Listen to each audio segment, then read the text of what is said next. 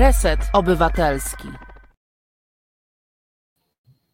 Witam wszystkich po dłuższej przerwie. Bardzo mi Was brakowało. Mam nadzieję, że mnie Wam też trochę brakowało.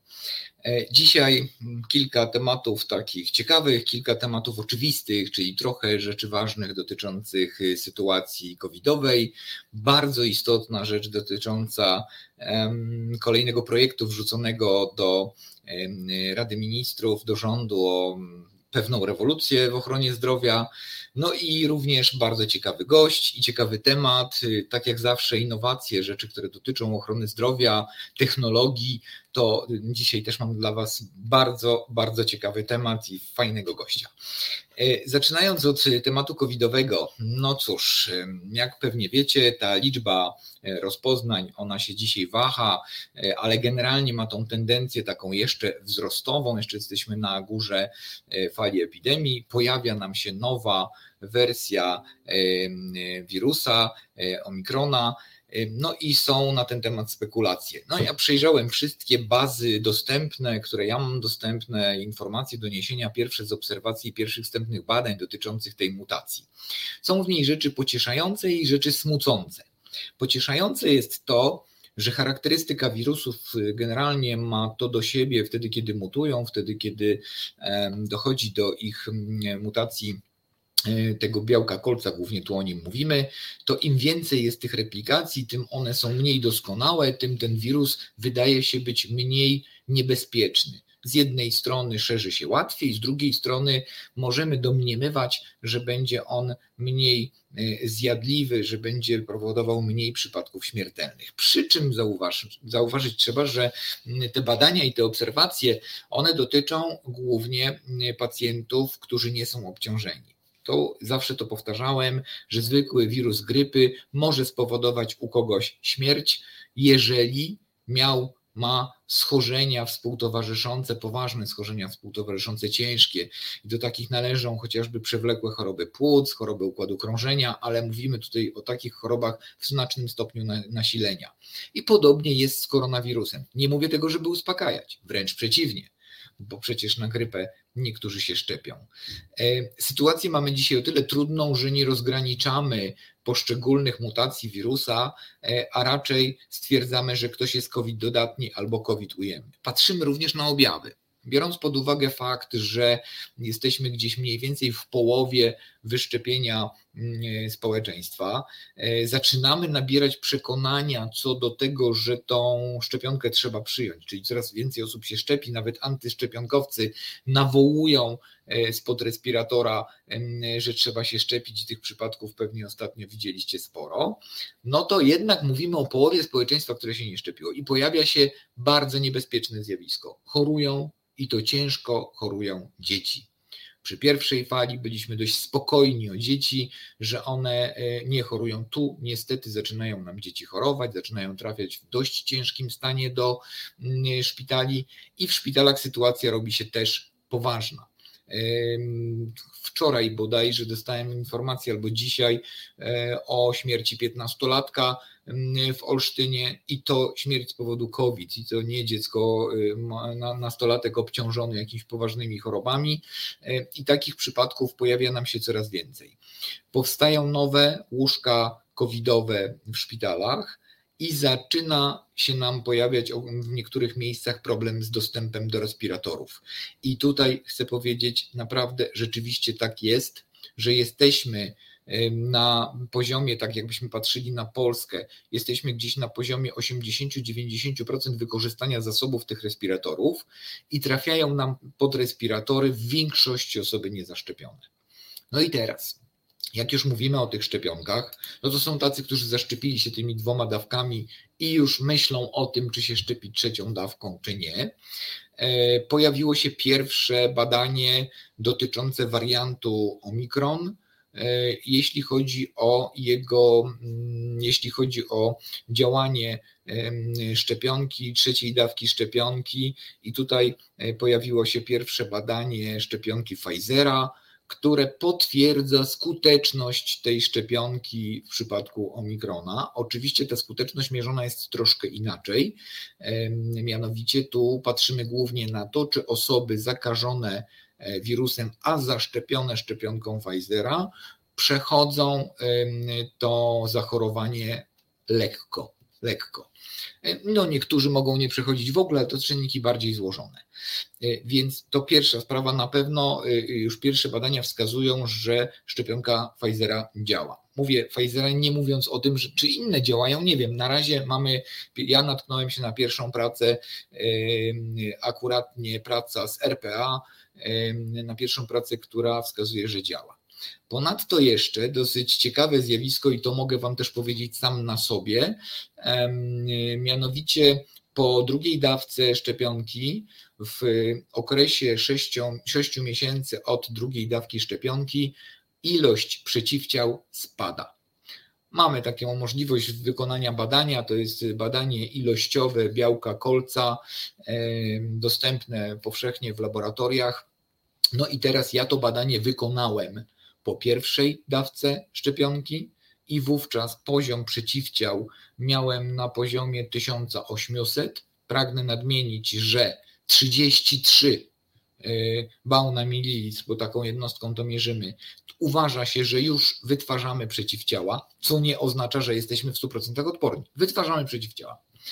A po drugiej dawce miałem 2800 E, przy normie 33. Natomiast przed trzecią dawką, czyli po 6 miesiącach od drugiej dawki, e, miałem przeciwciał 88.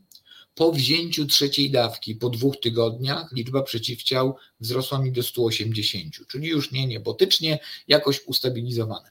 Generalnie prace naukowe wskazują, że ta liczba, ilość przeciwciał powyżej normy 33 bał, ona nie wskazuje na to, czy będziemy bardziej odporni, czy też nie. To jest miara ilościowa, natomiast pewną ilość musimy wytwarzać. Wskazuje to na to, że podanie szczepionki, podanie dwóch dawek szczepionki zmniejsza tą zdolność, ilość wytwarzanych przeciwciał. Można by było powiedzieć, że pamięć układu immunologicznego się zaciera. Nie wiemy, czy będzie tak rzeczywiście, że bez dawki przypominającej tej odporności nie będziemy mieli. Natomiast już wiemy, że dawka przypominająca zwiększa, bezsprzecznie zwiększa um, liczbę przeciwciał, które, które wytwarzamy. Zauważcie też, że ci, którzy nie zdecydowali się na szczepienie, chociażby z tego powodu, nawet nie mieli wskazań do tego, bo byli ozdrowieńcami, dzisiaj myślą o tym, że po jakimś okresie od tego wyzdrowienia jednak powinni się zaszczepić, bo mamy już pierwsze przypadki tych pierwszych ozdrowieńców, którzy zarażają się ponownie. Co więcej, mamy jeszcze przypadki, w których u ozdrowieńców pojawiają się późne powikłania przechorowania COVID-u. Wiem, wiedzieliśmy o tym, że COVID pozostawia w płucach zmiany, to, to wiedzieliśmy. Wiedzieliśmy o tym, że ciężkie przebiegi pozostawiają sporą niewydolność układu krążenia, układu oddechowego. Mieliśmy też tego, tego pełną świadomość. No i teraz wiemy, że pojawiają się późne powikłania pokowidowe. One często mają charakter powikłań neurologicznych, ale również z, ze strony układu krążenia i kardiologicznych. To pewnie przyczyna, dla której wiele osób y, świadomie podchodzących do tematu COVID-u jednak się szczepi. Dostałem też takie pytania na, na YouTubie i, i na Facebooku dotyczące tego, czy osoby, które mają schorzenia typu onkologiczne, schorzenia typu przewlekłe choroby, tam miałem pytanie o stwardnienie rozsiane, czy te osoby się mogą bezpiecznie szczepić. Prace naukowe pokazują, że pacjenci onkologiczni, a i owszem, e, szczepić się mogą. To oczywiście wymaga kwalifikacji lekarza z tego powodu, że oni są gdzieś przed lub po lub w trakcie terapii onkologicznej. Praktyka też pokazuje, że ci pacjenci uzyskują, ci dobrze zakwalifikowani uzyskują odpowiedź immunologiczną na e, szczepionkę ale mamy sporą grupę taką, która z tych szczepień przez okres leczenia jest dyskwalifikowana. Na początku mieliśmy dylemat, środowisko naukowe miało dylemat, czy szczepić pacjentów, którzy jednak układ immunologiczny mają upośledzony, uszkodzony przez leczenie onkologiczne, chociażby mm, przez chemioterapię. I w tej chwili mówi się o tym, że ustala się dla poszczególnych rodzajów chemioterapii określone czasy przeczekania od ostatniego leczenia. Podobnie jeśli chodzi o chorobę układu nerwowego. Sporo też mówi się o powikłaniach tak tych zakrzepowych. Tak? Niektórzy mówili o tym, że pojawiły się przypadki właśnie zakrzepic po szczepieniu. Nawet gdzieś są publikacje dotyczące szczepionki AstraZeneca, gdzie podejrzewa się ją właśnie o te zakrzepy, ale tu powiem tak. W zasadzie w każdym produkcie leczniczym, w każdej substancji, którą przyjmujemy, jest pewne ryzyko powikłań. E, mówiłem kiedyś o tym, przeczytajcie sobie ulotkę e, e, przylekową i włos na głowie się jeży, jakie rzeczy mogą się nam stać. Oczywiście statystyki pokazują, jaki jest to procent ludzi, jaki jest to procent pacjentów. Oczywiście, kiedy dotyczy to mnie, to mogę zakładać, że będę w tym jednym promilu powikłań po, po na przykład poszczepieniu. No i tutaj ważenie tego ryzyka, zwłaszcza u pacjentów z chorobami przewlekłymi, to jest ważenie tego, co możemy uzyskać dzięki szczepieniu i tej ochronie w stosunku do tego, jakie jest ryzyko. Wielu pacjentów decyduje się jednak na to, aby się wstrzymać ze szczepieniem, ale wprowadzić sobie dość rygorystyczną izolację. I niektórzy dzisiaj żyją w takiej izolacji cały czas, jeśli sobie mogą na to życiowo pozwolić. Z całą pewnością chcę powiedzieć, że COVID-em możemy zarazić się w okresie już trwającej dwa lata epidemii są pacjenci, którzy zarazili się kilka razy. Są tacy pacjenci, którzy ten COVID przechodzili lekko i są tacy, którzy przechodzili bardzo ciężko. Z całą pewnością dla osób, które są zdrowe, które nie mają ciężkich chorób przewlekłych, szczepionka nie niesie ze sobą ryzyka a mówimy tutaj o ryzyku udowodnionym naukowo, a udowodniony naukowo to są miliony ludzi, którzy się zaszczepili w różnych grupach wiekowych, z różnymi schorzeniami. Zaczynamy dzisiaj świat naukowy myśli o tym, jak obniżać jeszcze próg wiekowy, żeby szczepić e, młodsze dzieci, e, z tego powodu, że zaczynają bardzo ciężko to przechodzić. Podsumowując, sytuacja covidowa jest zła, jeśli chodzi o dostęp do zasobów. Sytuacja covidowa jest zła, jeśli chodzi o nasze szpitale, o nich będę jeszcze mówił. I z całą pewnością sytuacja jest bardzo zła, bo e, to za mało połowa społeczeństwa wyszczepionego, zwłaszcza społeczeństwa, które nie jest w stanie utrzymać tego rygoru i tej dyscypliny. A zaproszę Was teraz na chwilę przerwy muzycznej. Po przerwie jeszcze parę minut chcę opowiedzieć o nowym projekcie rządowym, a później nasz gość. Trzy grosze Spadło, wzrosło, a może to bez znaczenia. Informacji ważnych dla naszego portfela napływa zewsząd wiele, ale co właściwie znaczą? O gospodarce na spokojnie i przystępnie, ale bez trywializowania. Tomasz Kasprowicz wraz z gośćmi chce dodać swoje trzy grosze do debaty o tym, co w ekonomii piszczy. W każdy czwartek o 18 w Resecie Obywatelskim. No, uwielbiam taką muzę, wprowadziła mnie w dobry nastrój. No, ale teraz mam temat taki, który nie wprowadza mnie w dobry nastrój, e, a w zasadzie mogę powiedzieć, że to już będzie kawałek ostrej jazdy, albowiem no, sytuację w szpitalach, jaką mamy, każdy wie. Pewnie każdy gdzieś sam albo ze swoimi bliskimi zetknął się z tym kryzysem w ochronie zdrowia. Z tym, że do szpitali mamy kolejki, z tym, że brakuje lekarzy, pielęgniarek, a generalnie pacjent najmniej w tym systemie jest ważny. W związku z czym nasz rząd, a, dokładnie nasze ministerstwo, wnosi na rząd projekt, jak nas uzdrowić. Ten projekt pojawił się wczoraj w kancelarii prezesa Rady Ministrów. No i cóż w nim jest? No, ano w nim jest pełna centralizacja, czyli wracamy do czasów zarządzania centralnego odgórnego a dokładnie chodzi o to, że powstaje nowa instytucja. W końcu płacimy podatki, to powinny się mieć z czego te instytucje utrzymać. Płacimy na zdrowie, w związku z czym na pewno tych pieniędzy będzie tam sporo. Kiedyś się już liczyłem, jak pamiętacie. No, powstaje nam Agencja Rozwoju Szpitalnictwa. Niech Was nazwa nie zmyli. To wcale nie chodzi o rozwój. To powinno być ARZ, czyli Agencja Zwoju, Zwijania Szpitalnictwa. Albowiem tutaj szpitale będą pokategoryzowane według według kondycji finansowej. Kategoria A to jest taka, której szpital jest super, świetny, działa, powinien tworzyć plan rozwoju i rozwijać skrzydła dalej we wszystkich dziedzinach medycyny. Nie wiem, ile takich będzie, ale jeśli ktoś taki zna, bardzo proszę o sygnał.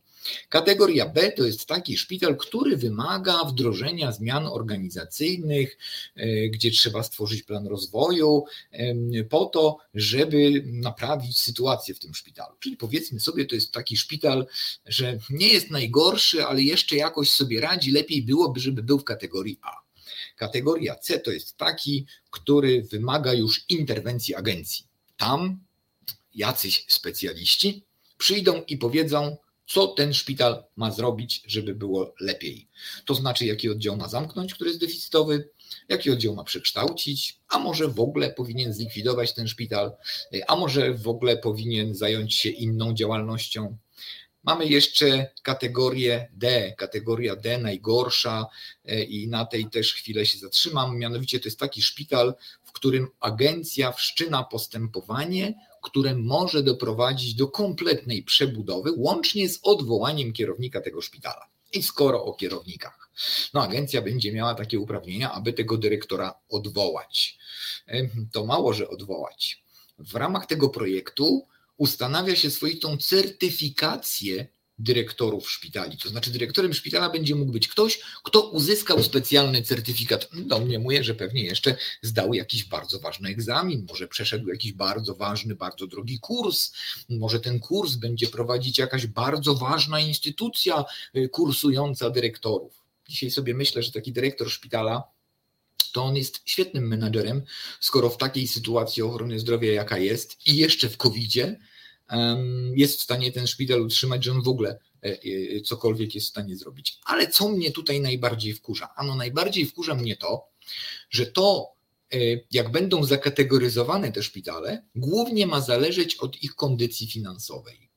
No i dobrze, jak mam kondycję finansową ocenić, to powinienem ją oceniać w sytuacji jakiegoś normalnego działania. A dzisiaj mamy sytuację nienormalnego działania. To znaczy, szpitale nie są w stanie realizować swoich świadczeń. Narodowy Fundusz Zdrowia nie jest w stanie zapłacić za wszystkie świadczenia, które generują pacjenci, stąd tworzą się kolejki. Do tego wszystkiego przychodzi decyzja wojewody, że teraz nie będziecie leczyć pacjentów y, planowych, których mieliście, zajmujecie się COVID-em do tego wszystkiego dochodzi absencja, dochodzą koszty COVID-u, zabezpieczenia. Sami dobrze wiecie, że epidemia kosztuje wszędzie, kosztuje nie tylko w Polsce. I w tej sytuacji dwóch lat pandemii my będziemy oceniać kondycję finansową szpitali, będziemy je kategoryzować. No to Wam opowiem. Szpital w Kociepołach Dolnych. Nie wymienię nazwy, ale tu mam na myśli konkretny szpital. Przed epidemią radził sobie średnio. Praktycznie brakowało lekarzy, obłożenie niektórych oddziałów to było na poziomie 40% obłożenia łóżek, czasem nawet i 30%. Generalnie nic się tam nie działo. Budynek kosztował, utrzymanie kosztowało, a nie dało się do funduszu wygenerować przychodu, bo pacjenci zwyczajnie, normalnie do tego szpitala iść nie chcieli. Więc szpital dołował, miał kiepską sytuację finansową.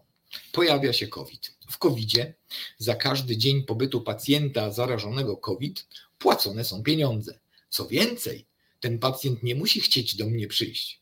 On musi do mnie przyjść, no bo leczenie COVID-u jest przymusowe. Pach, mamy go, złapaliśmy test, pach do szpitala, gdzie? W Kociepołach. I nagle wszystkie łóżka mam zajęte, i nagle sprzedaję wszystko, i nagle moja kondycja finansowa się poprawia. Super. No i teraz przyjdzie agencja, oceni ten szpital i powie: No świetny szpital, kategoria A jak nic to przejaskrawiony przykład, ale z życia wzięty, bo ja te przykłady znam. Inną rzeczą jest to, że w ramach tego projektu, który mówi o tym, że teraz instytucja rządowa, państwowa odgórnie będzie mówiła, który szpital będzie jak funkcjonował, będzie zmieniać dyrektorów i będzie zarządzać e, tymi szpitalami, mam nadzieję, że merytorycznie, a nie politycznie.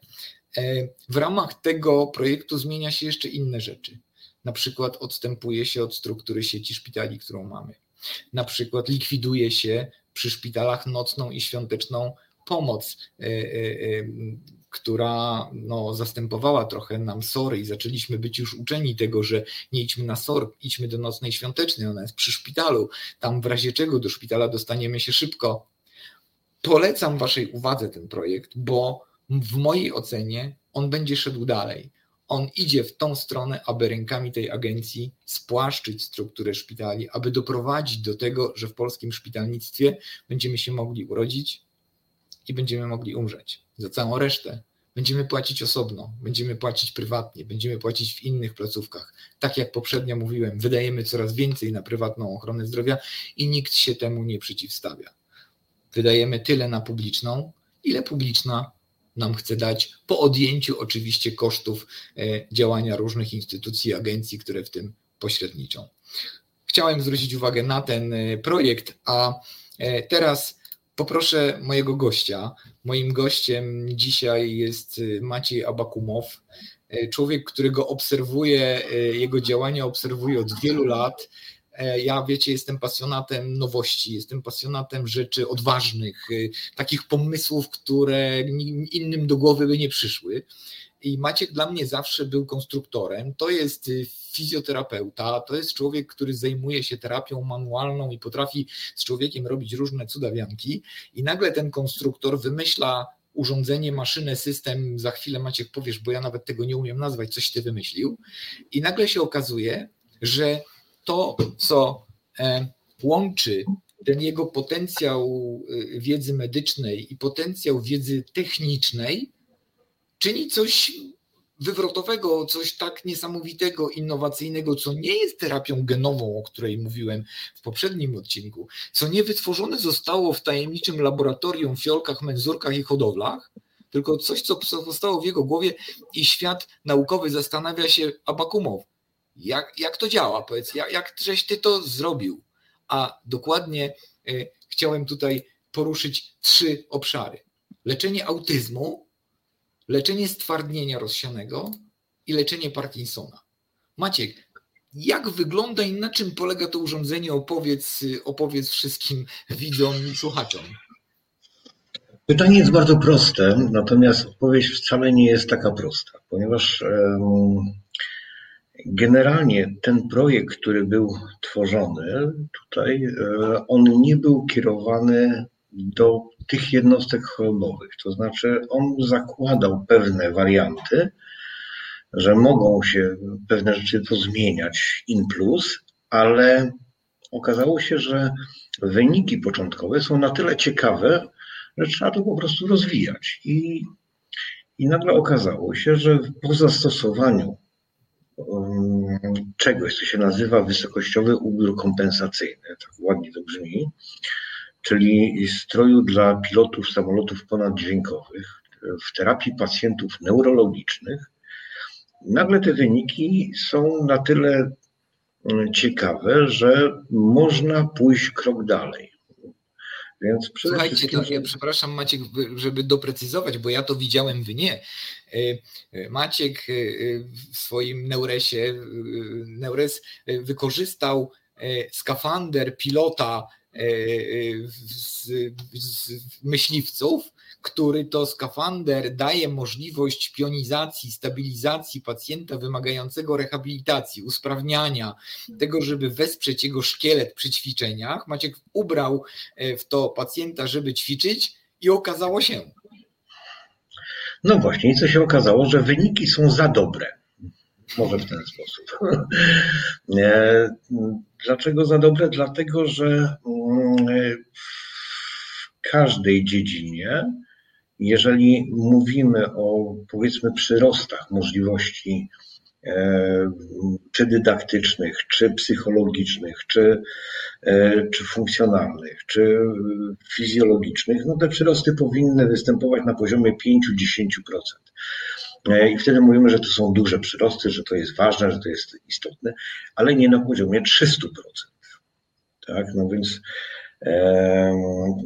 to zaczęło nas bardzo interesować, ponieważ no, w takim razie te mechanizmy, o których my wiemy, e, zupełnie inaczej oddziałują na człowieka. A konkretnie, co się stało? A konkretnie co się stało? No, ubraliście człowieka, no powiedzmy, z autyzmem, e, tak? Tak nie. Nie, nie, nie, nie.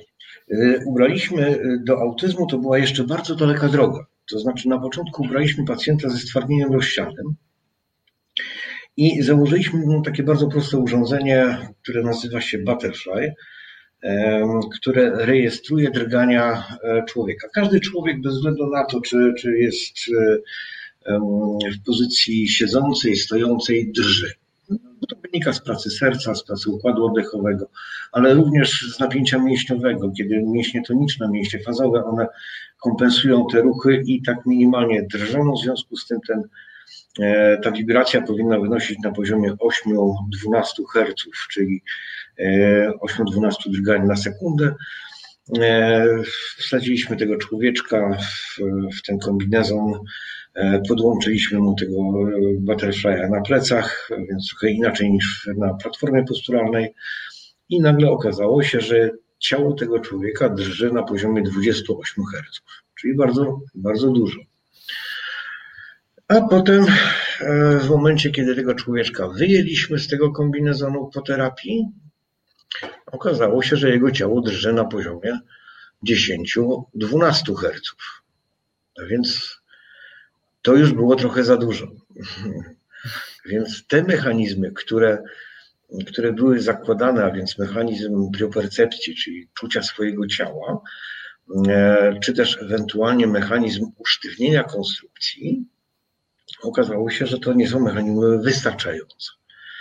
E, w związku z tym e, zaczęliśmy to badać bardzo gruntownie, korzystając z bazy Wojskowego Instytutu Medycyny Lotniczej.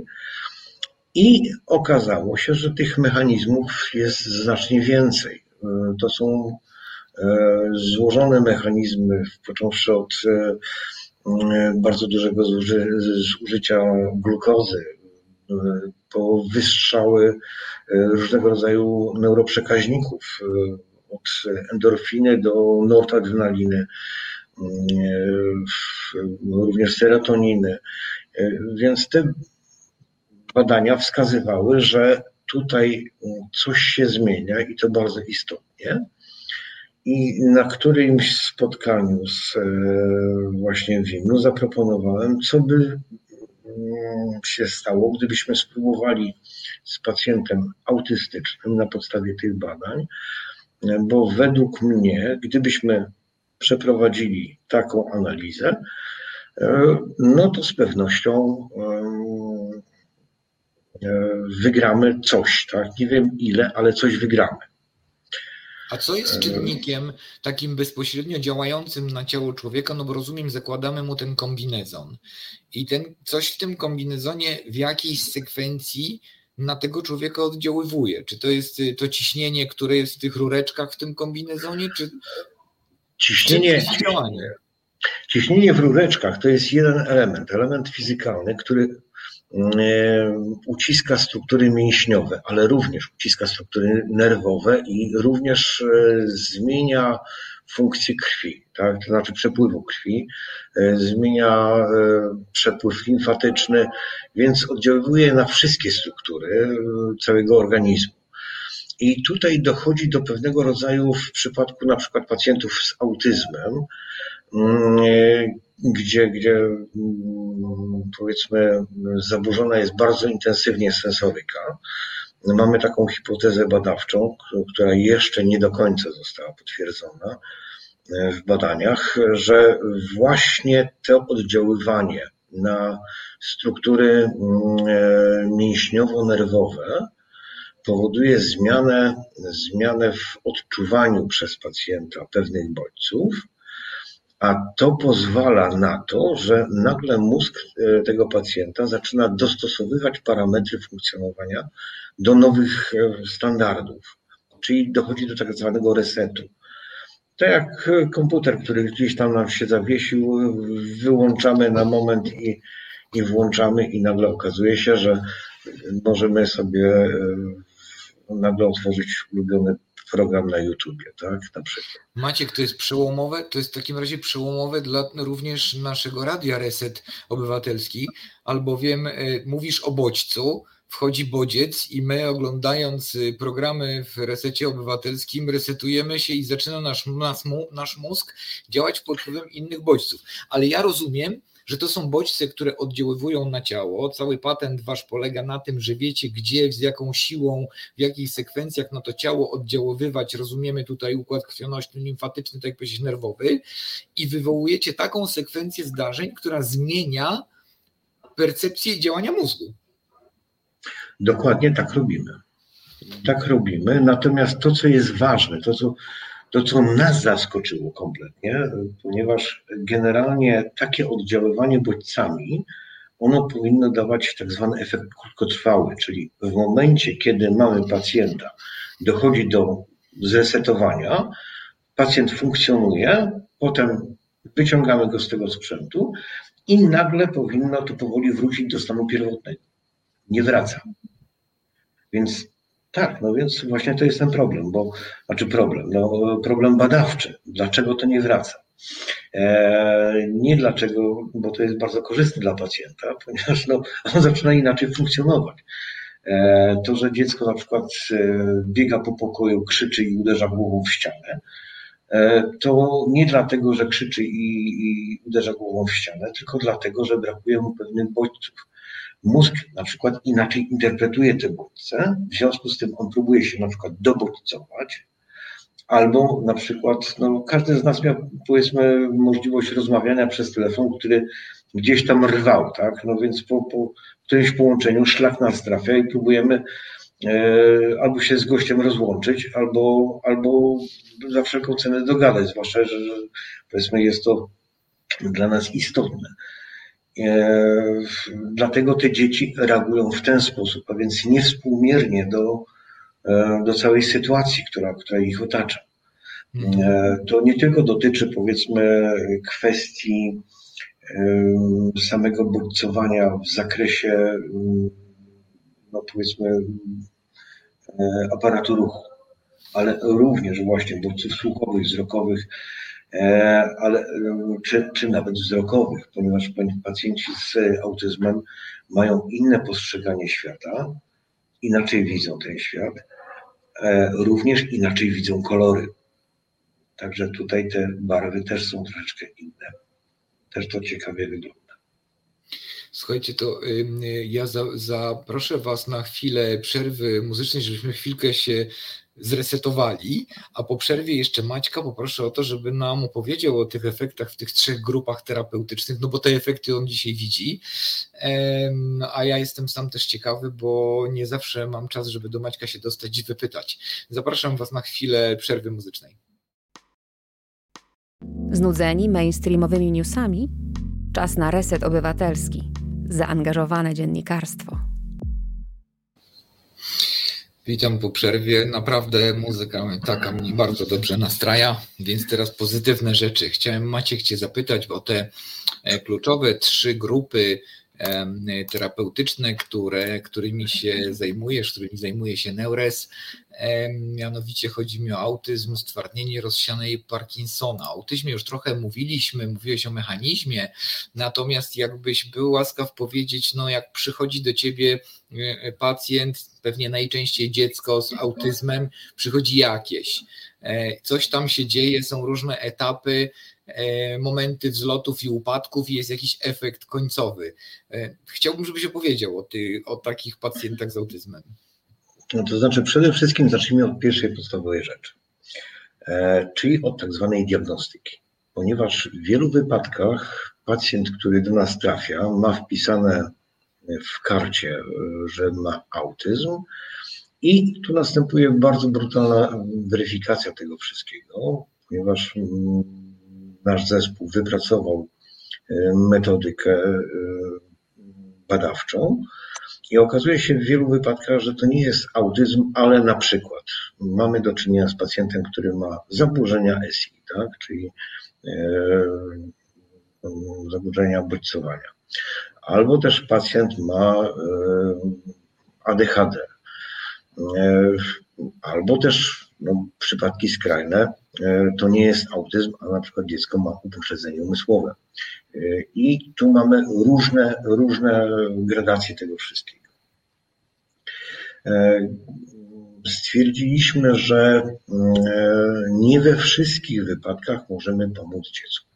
To od razu Proszę sobie, żeby słuchacze nie, nie, nie wyszli z założenia, że tutaj jest to cudowne panaceum, które leczy wszystko, bo tak nie jest.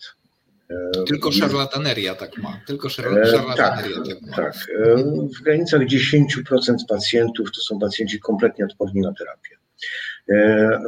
No ale to wygląda w ten sposób, że według naszych powiedzmy badań i tego, co robimy, te struktury mózgowe są dość mocno uszkodzone, w związku z tym one nie są w stanie podjąć pewnych czynności.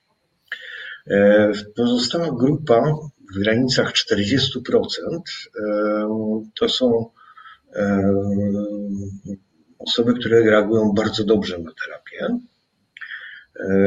I tutaj no pewnie się naraża masa osób, dla, dla masy osób, które są tak, z tak zwanej branży, czyli dla psychologów, pedagogów, terapeutów różnego rodzaju,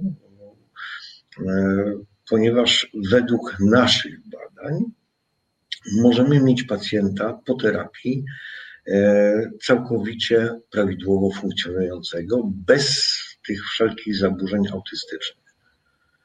E, czy jest to duży wskaźnik? Myślę, że tak. E, pozostała grupa, czyli zostało nam w granicach 50%, ona reaguje na, na powiedzmy ten system terapii widać zmiany mm, w jakimś tam zakresie, ale e, mogą to być zmiany od takich, no powiedzmy, bardzo widocznych, e, które my zauważamy, ale jednak te elementy autystyczne występują, po pacjentów, których e, powiedzmy te zmiany są niewielkie, jednak są. Tak?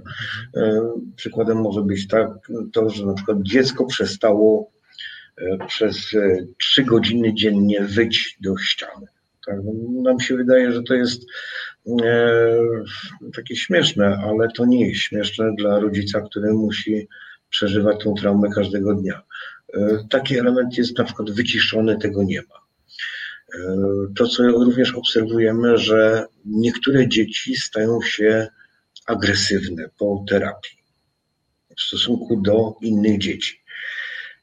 Natomiast analiza pokazuje, że to nie jest agresja, tylko jest to obrona.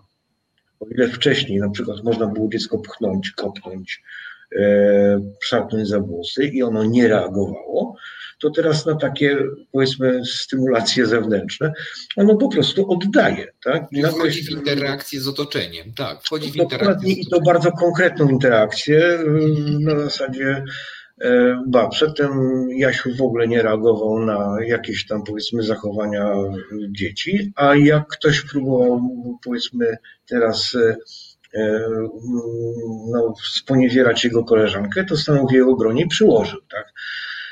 I nagle mamy powiedzmy problem z panem bądź panią psycholog, która wzywa rodziców do do szkoły. No tak, no ale, to, to, ale to już jest kwestia budowania później jakiejś prawidłowej postawy społecznej, ale jest z kim pracować, bo ten tak. człowiek jest tu, a nie zamknięty w swoim, e, w swoim Dokładnie, świecie. nie zamyka się w swoim świecie. E, e, tutaj ja na przykład widzę bardzo dużą rolę dla, dla psychologów, pedagogów po terapii.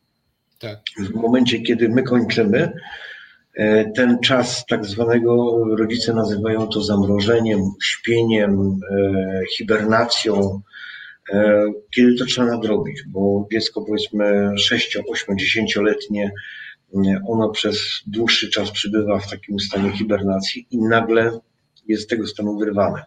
Tak, reaguje Więc na musi się nauczyć pewnych relacji. Relacji z, z rodzeństwem, relacji z rodzicami, relacji z osobami dorosłymi, e, jak reagować na to. Natomiast jest zdecydowanie łatwiej, dlatego że e, struktury mm, fizjologiczne działają poprawnie. Nie ma tego, tego powiedzmy, mhm. E, nie ma tej bariery. Tak. I w momencie, kiedy wkraczają psychologowie w, w ten dalszy proces terapii, efekty są po prostu powalające. Znaczy ja widziałem taki twój wywiad, zresztą was też zachęcam do zobaczenia na YouTubie, jest taki wywiad, kiedy Maciej rozmawia z jednym ze swoich pacjentów. Wydaje mi się, o ile dobrze pamiętam, chyba miał na imię Tomek. nie wiem czy dobrze pamiętam, czy to był Tomek, ale, ale jest chłopiec, z którym wywiad jest z 2020 roku z, z autyzmem, który ten chłopiec opowiada o tym, jak zmieniło się jego życie. A nie, to, to mówimy o Kubie. O Kubie, Kuba, no tak. E, więc e, on opowiada o tym i ja na to patrzyłem tak, no widziałem dzieci z autyzmem e, wielokrotnie i widuję je w placówkach, w których, których bywam. I to, co uderzyło przede wszystkim, to właśnie to, że tam pojawia, pojawia się takie okno komunikacji, interakcji ze światem, kiedy on mówi, że on polubił podróżowania. Nie jest to chłopiec w wieku lat 6, żeby to podróżowanie dopiero mógł poznać, to jest nastolatek, obserwuje ten świat i on ten świat asymiluje. Widać również, że jest to dziecko, jest to chłopak, który e, przeszedł ten okres zamknięcia, bo ta komunikacja z Maćkiem jest specyficzna. Trzeba też zauważyć, Maciek, jak go znam z pracy, to on mm, nawiązuje dobrą więź, porozumienie, komunikację ze swoimi pacjentami. To jest po prostu fajny kumpel w ciężkiej pracy w usprawnianiu, więc z fajnym kumplem widać tam jeszcze szczątki deficytu i tej komunikacji, ale widać też, że ten Kuba chce, że on rozmawia, że on podejmuje to wyzwanie zewnętrznego, zewnętrznego świata. To, to, to z całą pewnością po, zachęcam Was do obejrzenia i spojrzenia na to właśnie od takiej strony. Wyobrażenia sobie tego człowieka zamkniętego, tego nastolatka zamkniętego bez świata zewnętrznego i nagle rozmawiającego z Maćkiem na temat życia i tego, co w życiu dookoła. No tak, e, natomiast jako ciekawostkę mogę Ci powiedzieć, że Kuba e, zaczął terapię w wieku lat no prawie 16, przed 16 rokiem życia, czyli w ostatnim momencie, kiedy to daje bardzo dobre efekty. E, I w tej chwili Kuba jest studentem. Kuba, tak, Kuba skończył szkołę średnią, dostał się na wymarzone studia, no i na tych studiach funkcjonuje i sobie radzi. To też jest fajne, też jest, korzystne. Tak. E, no, Natomiast to, co... Teraz, bo, bo myślę, że o autyzmie moglibyśmy też bardzo, bardzo dużo, a myślę, że... Tak, ale jest... natomiast to, co jest ważne w tym wszystkim, e, co nie jest, co nie było powiedziane w tym programie. E, Kuba nie za bardzo pamięta, co było przed kombinezonem. Jeżeli chodzi o swoje reakcje. On e, wyparł to całkowicie i ma taką lukę, jeżeli chodzi o swoje zachowania, jeżeli chodzi o swoje interakcje. Ciekawostka przyrodnicza. To bardzo ciekawe, jeśli chodzi o autyzm w ogóle, bo panuje przekonanie, że ludzie autystyczni żyją w tym swoim świecie i ten świat mają, a to by tak wyglądało, jak gdyby to był jakiś ubiór, który on zdjął, wyrzucił i, i go nie pamięta, tak? Tego, I go tego... nie pamięta, dokładnie. On po prostu przeszedł do nowego świata. E, ale tak właśnie to działa. Niesamowite. E, no to jest jeden z elementów. Natomiast tak patrzę po czasie, nie wiem ile mamy czasu, żeby to Tak, no chciałem jeszcze, mamy, mamy jeszcze kilka, kilka minut, chciałem jeszcze o tym stwardnieniu rozsianym i o Parkinsonie, bo to są e. dwie choroby, na które w zasadzie też nie mamy e, skutecznego leku wyleczającego. Trudno nam również znaleźć lek, który by w sposób bardzo istotny spowolnił albo albo pomógł w y, y, życiu. Co prawda w stwardnieniu rozsianym mamy terapie biologiczne, które odsuwają ten czas od wózka, od pełnej niepełnosprawności, no ale to nie jest takie odsunięcie, którego byśmy chcieli. I zawsze jest ten kłopot w pomocy pacjentowi w tym, żeby mógł przynajmniej w tych uwarunkowaniach jakoś funkcjonować, więc dla mnie to są dwa obszary, e, no, w których cokolwiek jeśli się dzieje, to jest przełomowe, tak? Parkinson również. Każde, każde osiągnięcie jest przełomem. E, pamiętajmy o jednej rzeczy, że mówimy tutaj o dwóch jednostkach neurologicznych, które mają zupełnie e, inne mechanizmy fizjologiczne. E, w pierwszym mechanizmie, jeżeli mówimy o Parkinsonie, to jest brak wydzielania dopaminy, Natomiast y, w drugim mechanizmie, jeżeli mówimy o stwardnieniu rozsianej, jest to zniszczenie układu neurologicznego poprzez właśnie e, układ immunologiczny. Tak. Najprawdopodobniej, ponieważ dokładnie mechanizm też nie jest poznany. No, głównie chodzi tutaj o niszczenie osłonek mielinowych nerwów, które odpowiadają tak, za przewodzenie tak, bodźców. Tak. Dobrze, tylko teraz sam, sam mechanizm, no tutaj już mówimy o, o czymś innym. Sam kombinezon nie jest w stanie wyleczyć pacjenta ani z jednego, ani z drugiego. My tutaj dajemy, powiedzmy, przesuwamy w czasie e, tą, ten stan, powiedzmy, niefajny, kiedy już pacjent nie jest w stanie poruszać się, nie jest w stanie funkcjonować. I tutaj właśnie trafiamy w to, o czym e, mówiłem na początku, że na początku był zakładany mm, jeden, góra dwa mechanizmy fizjologiczne. W tej chwili tych mechanizmów znamy znacznie więcej i wiemy mniej więcej, co się dzieje. I w przypadku pacjentów z Parkinsonem dochodzi do wydzielania właśnie dopaminy. Efekt drżeniowy ustępuje, on się zmniejsza e, i pacjent zaczyna funkcjonować normalnie. W przypadku pacjentów z, ze stwardnieniem rozsianym, tutaj oddziaływanie jest e, w, w, też ograniczone. Ono jest w miarę dobre do trzeciego stopnia w dziesięciostopniowej skali. I na tym sprawa się właściwie zamyka. Później e, te struktury są już na tyle zniszczone, że nie da się wyegzekwować tego, co my byśmy chcieli. Natomiast w przypadku powiedzmy mm, skali ADSS, kiedy mówimy o pacjentach na poziomie 2,5-3, e, jesteśmy w stanie wrócić do poziomu 2, ewentualnie 1,5. Także no to też jest ciekawe. Mhm. Więc e, mówisz o tym, żeby, że pacjenci ze stwardnieniem rozsianym, pacjenci z Parkinsonem, ale również bardzo ciekawe oddziaływania tego, tych kombinezonów jest na e, pacjentów udarowych, a więc e, kiedy mamy do czynienia z pacjentem chemicznym, gdzie mamy zaburzoną, zaburzoną, zaburzone postrzeganie swojego ciała przez pacjenta tak. Tutaj terapia też bardzo szybko idzie. Oczywiście tutaj są ograniczenia takie, że nie możemy mm, w ten kombinezon wsadzić pacjenta, który jest po udarze krwotocznym. E, dlatego, że e, i tu jest długa lista, dlaczego nie. E, na końcu jest decyzja pana profesora, z którą się nie dyskutuje. No tak, ale tutaj oddziaływujemy na układ krwionośny, zwiększamy ciśnienia.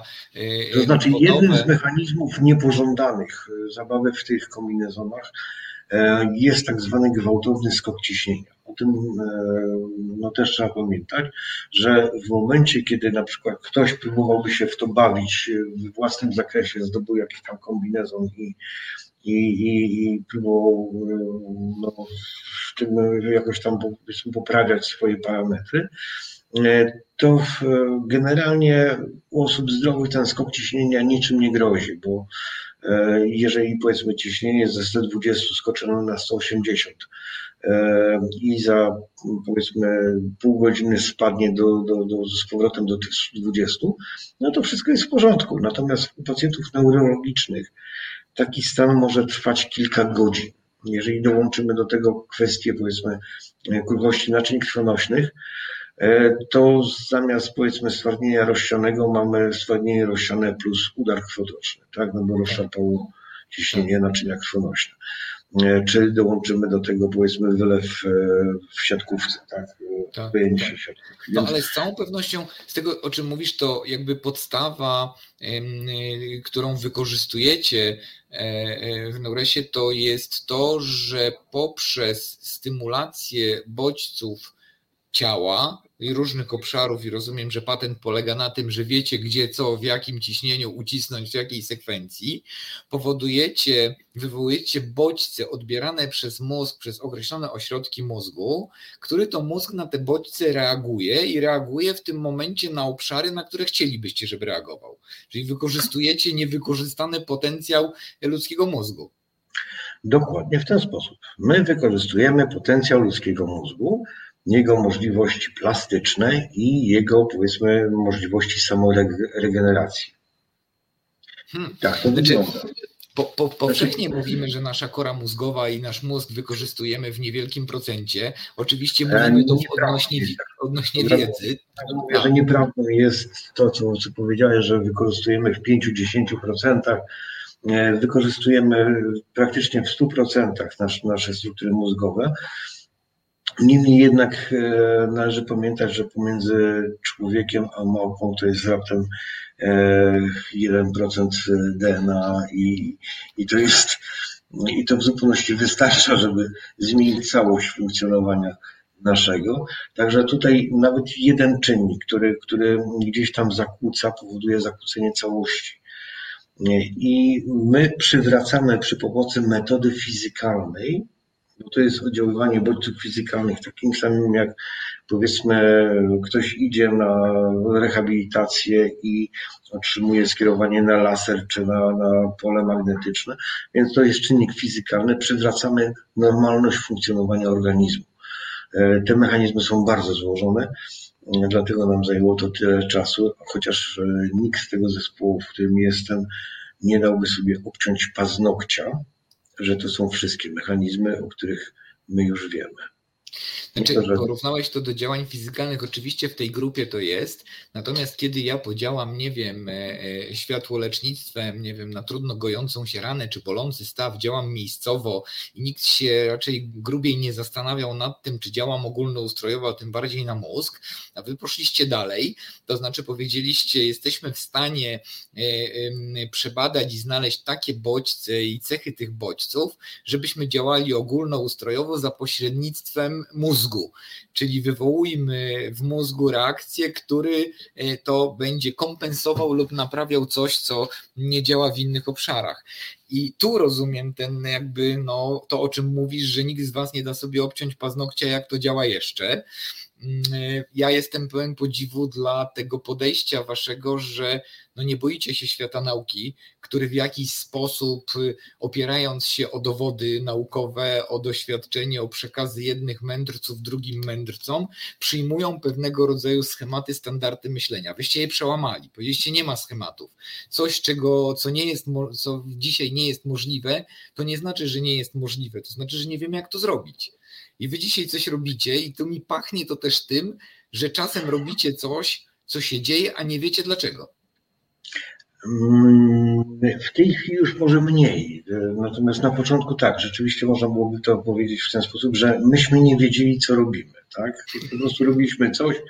E, z tym, że tutaj odnośnie e, mędrców, to ja bym tak daleko nie szedł, ponieważ E, zespół, w którym jestem, to, to jest zespół trzech panów profesorów, którzy trzymają nad tym rękę na pulsie, tak zwaną, po to, żeby te badania były robione w sposób sensowny, że na wszystko musi być dowód, a jak już publikujemy, to naprawdę musi być to mocno udokumentowane. Maciej, żeby ja nam to, nikt nie podskoczył. Ja to e, I wtedy, wtedy my jesteśmy chronieni w jakiś sposób przed złośliwością, powiedzmy, e, pewnych osób na zasadzie, a bo to jest szamanizm, bo e, wyłudzają pieniądze, a bo to prawda. Nie, nie, tu jest wszystko udowodnione Maciej, i te tak. mechanizmy tak. muszą tak. być twarde. Ja tutaj miałem na myśli to, jak podchodzimy do rzeczy nowych że do rzeczy nowych podchodzimy sceptycznie, z dystansem, bo nie ma na to dowodu i gdzieś ktoś musi odwrócić, gdzieś ktoś musi mieć e, odwagę i pracowitość, dążność, żeby te dowody zdobyć, żeby to przebadać. I to jest y, walor nadrzędny nad wszystkim, o czym dzisiaj rozmawialiśmy, że wy w swojej pracy z jednej strony doświadczacie, robicie, leczycie, pomagacie pacjentom, ale z drugiej strony nie zarzuciliście tej istotnej wartości, która w medycynie jest najważniejsza. Medycyna, czyli, czyli, czyli ta prawdziwa, czyli evidence-based medicine, medycyna oparta na dowodach, że te dowody tworzycie, ale tu jest tak, że nie powstało to w jakimś laboratorium, jak powiedziałem, w menzurkach, fiolkach czy innych, tylko podeszliście czysto praktycznie i zaczęliście badać, dlaczego tak jest. A to, że już tak jest, no to super, to idźmy w to dalej i badajmy dalej. To jest walor tego pomysłu i dla mnie to jest ta wartość przełamywania bariery. Nie, nie ma na to dowodów, to tego nie róbmy. E, no dobrze, tylko że e, myśmy wyszli troszeczkę z innego punktu widzenia. To znaczy, e, najprościej to będzie wytłumaczyć w ten sposób, że jeżeli mamy pacjenta po udarze, tak zwanego, i mamy pacjenta po udarze krwotocznym i po udarze niedokrwiennym, to obaj ci pacjenci fizycznie niczym się nie różnią. Tak? Zarówno proces rehabilitacji będzie podobny, a wręcz nawet taki sam, z wyjątkiem tego, że powiedzmy pacjenta e, z udarem krwotocznym e, nie można zmusić do zbyt dużego wysiłku. E, jeżeli mówimy o pacjencie z udarem krwotocznym, no to to już możemy, znaczy niedokrwiennym, to możemy sobie popracować z nim dowolnie.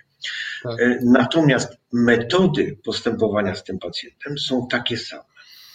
E, tutaj, przenosząc to na grunt kombinezonów, wiele mechanizmów neurologicznych jest identycznych, wspólnych dla wszystkich pacjentów. Jak e, prowadzi się zajęcia ze studentami, swego czasu to robiłem i e, zadawałem jedno proste pytanie. Jaka jest wspólna cecha wszystkich pacjentów neurologicznych? No to były różne próby e, tworzenia jakichś dziwnych historii. Natomiast jest jeden element wspólny. Jest zaburzenie oddechu. To, co jest widoczne. Wszyscy pacjenci neurologiczni mają zaburzenie oddechu. Ale mechanizm tego jest różny dla, dla różnych pacjentów. Tak, tak, tak. Bo jeden mechanizm może być to oparty na, na, na tak zwanych strukturach nerwowych, drugi może być na, na, na strukturach mięśni szkieletowych, więc tutaj mamy różne problemy. Zobaczcie, moi drodzy, tak mówiłem, staram się zawsze mieć najciekawszych gości e, w Unii Europejskiej i krajach nadbałtyckich.